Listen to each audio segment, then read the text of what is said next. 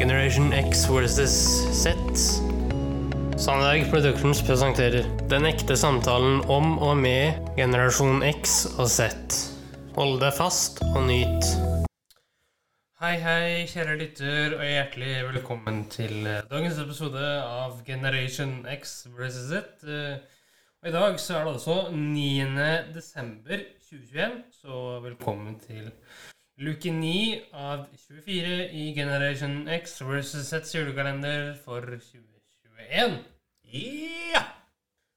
Hva er på tapetet i dag, kjære kompanjong? Jo, det som er litt kult nå, det er at du vet ikke hva tema som er. Nei, jeg vil ikke vite det heller, Nei? så da får du vær så god. Ja, da sier jeg tusen, tusen takk.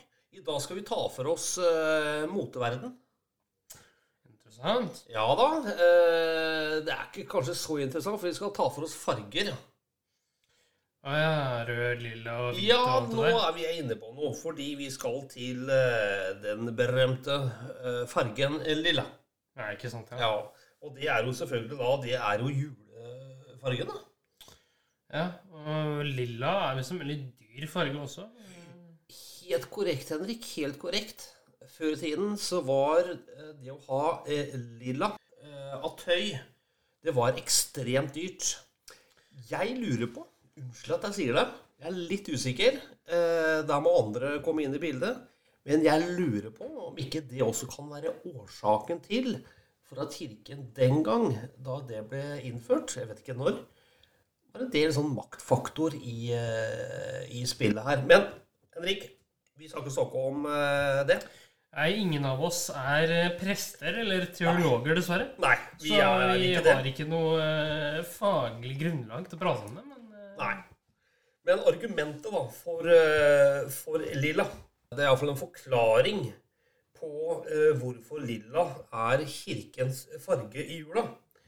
Det sies da at fargen blå er liksom den passive delen, mens den røde er den aktive. Eh, og hvis man forener de, så blander fargene rød og blå, mm. så får vi lilla. Vil man da liksom forene både det med høytid, alvor og mystikk? Mm. Jeg for eksempel går veldig Jeg går kledd veldig mye blått i dag. Eh, Du, Ja, du gjør det. Kompa, kan jo se det. Ja. Eh, Du liker blått, eller? Ja.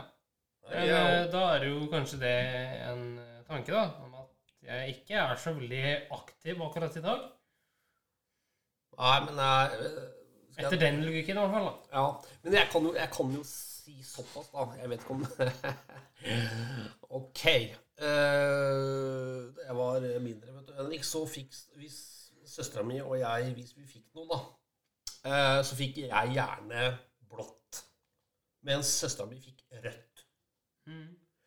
Men jeg kan jo ikke si det at uh, jeg var mindre aktiv enn søstera mi.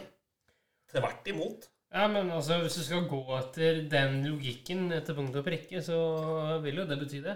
Ja, ikke sant? Men kanskje clouet var liksom å blande det for å få liksom balanse i det hele, da. Men eh, det kan jo diskuteres i, i vide og det brede. Ja, hvis vi har med oss en som eh, kan farger, så vil vi gjerne høre fra deg nå. Ja da. Absolutt. Men så har jeg et eller annet uh, å si da om eh, lilla. Ja. Jeg tror du vil like det, Henrik, fordi du er ekstremt språkferdig. eh, Og ikke minst you, you, you dig it ja jeg, very much. Mm. For ordet lilla, nemlig, det dukket ikke opp i Norden før rundt 1819. Så ganske sent, ja. Det er ganske så sent, og det i Sverige. Og lilla er visst lånt Det er et stort gjesp for meg, da, Henrik, men dette er jo sånn spiss øra for uh, kjære, kjære sønnen min. Det er Lilla er lånt fra det franske ordet lilas, som betyr syrin og syrinfarget, og stammer fra arabisk lillak. med C. Ja, Som kanskje igjen er eh, lånt fra hebraisk eller gresk. Ja, det aner jeg ingenting om, men det betyr i hvert fall da syrin. Det er også grunnen til Nå må du korrigere, altså, for dette her kjenner ikke jeg til. Det, det er også grunnen til at det engelske ordet syrin er lillak. Er det det? Det er kanskje det? Eh, nå vet jeg ikke hva syrin er for noe. Syrin, det er eh, Er ikke det en blomst, da? Det kan hende, det. Men eh, her har vi jo på en måte en såkalt falsk venn, da. Ja, Mellom fransk og engelsk her. ja vel? Eh, det er et ord Ja. som skrives likt, Ja. som uttales så å si helt likt, Ja, men som betyr noe annet. ja vel? Eh, det skal vi komme nærmere inn på om et par dager. Eh, det her med falske venner, for det nå snakker vi, vet du. eh, For da skal jeg ha et litt sånn språkhjørne i kalenderen. Ja. Bare ta for meg liksom julens ord og begreper, da. Ja. Og dissekerer det, og på en måte prøver å finne betydningen av det. Hovedsakelig Det ser vi fram til, Henrik. Ja. Takk om det. Har du noe mer? Jo, jeg tenkte for å avslutte og avrunde, Mm. eh, så må vi jo ha Altså, vi må jo ha noe om altså, jule Altså, vi må ha noe sang, vi må ha noe glede. Ikke sant? Mm. Så jeg tenkte vi skulle runde av dagens episode med eh, Secret Garden og vår kjære Henrik, nemlig Katrine Iversen. Ja, og det er jo et menneske som har eh, hatt veldig stor betydning passivt i mitt liv. Nei, jeg tror jeg var ganske aktivt. jeg skal være. Eh, for det var jo et av de menneskene som var med på å eh, være ansvarlig da, for det jeg sitter her i dag.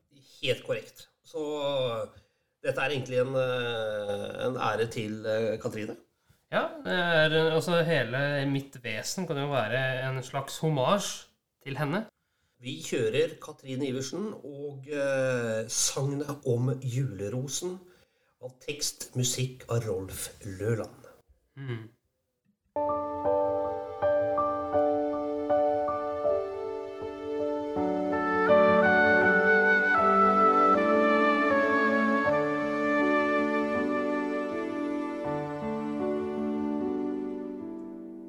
I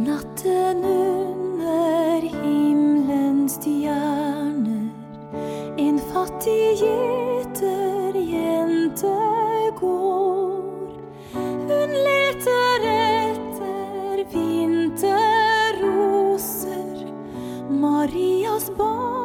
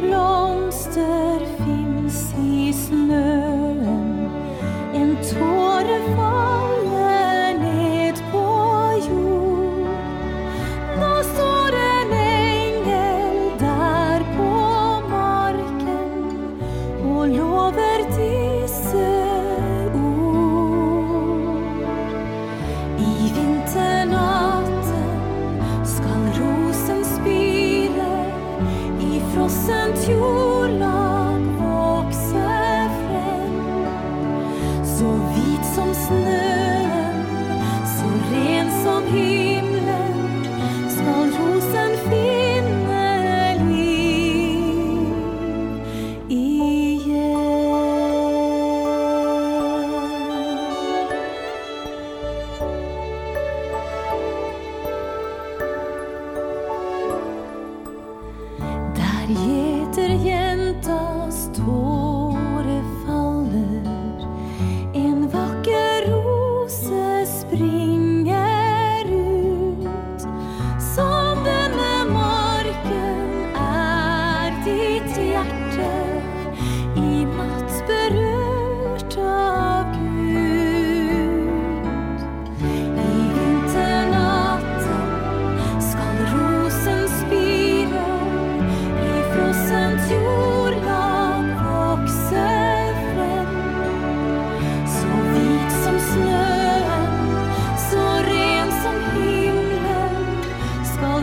skal rosen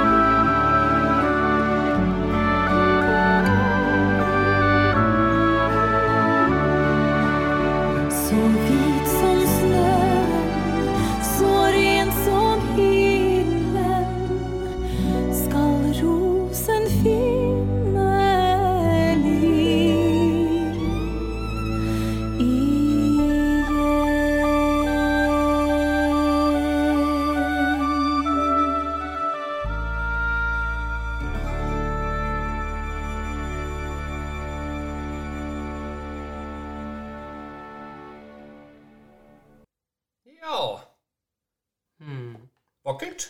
Ja. Absolutt. Vi har jo eh, både møtt henne før eh, og hørt henne synge, så Ja, det her var jo på en måte et eh, tilbakeblikk på det, i hvert fall for min del. Eh, Absolutt, Henrik. Og vi har også skrevet en, eh, en egen tekst. Det tar vi ikke før eh, 24. desember. ok. Hun da synger om klokken fem når det ringes inn. Ja. Men Henrik, det har vært en fantastisk eh, dag sammen med deg. Jo, takk det samme, du. Jeg bare gleder meg til i morgen. jeg. Det blir veldig bra, det. Ha det godt så lenge, gutten min. Ha det godt. Hei. Tusen takk for at du fulgte oss. Eh, Gi gjerne tilbakemelding, likes eller kommentar på Facebook-siden vår Generation X versus Z. Velkommen igjen til neste podkastepisode. Hei då!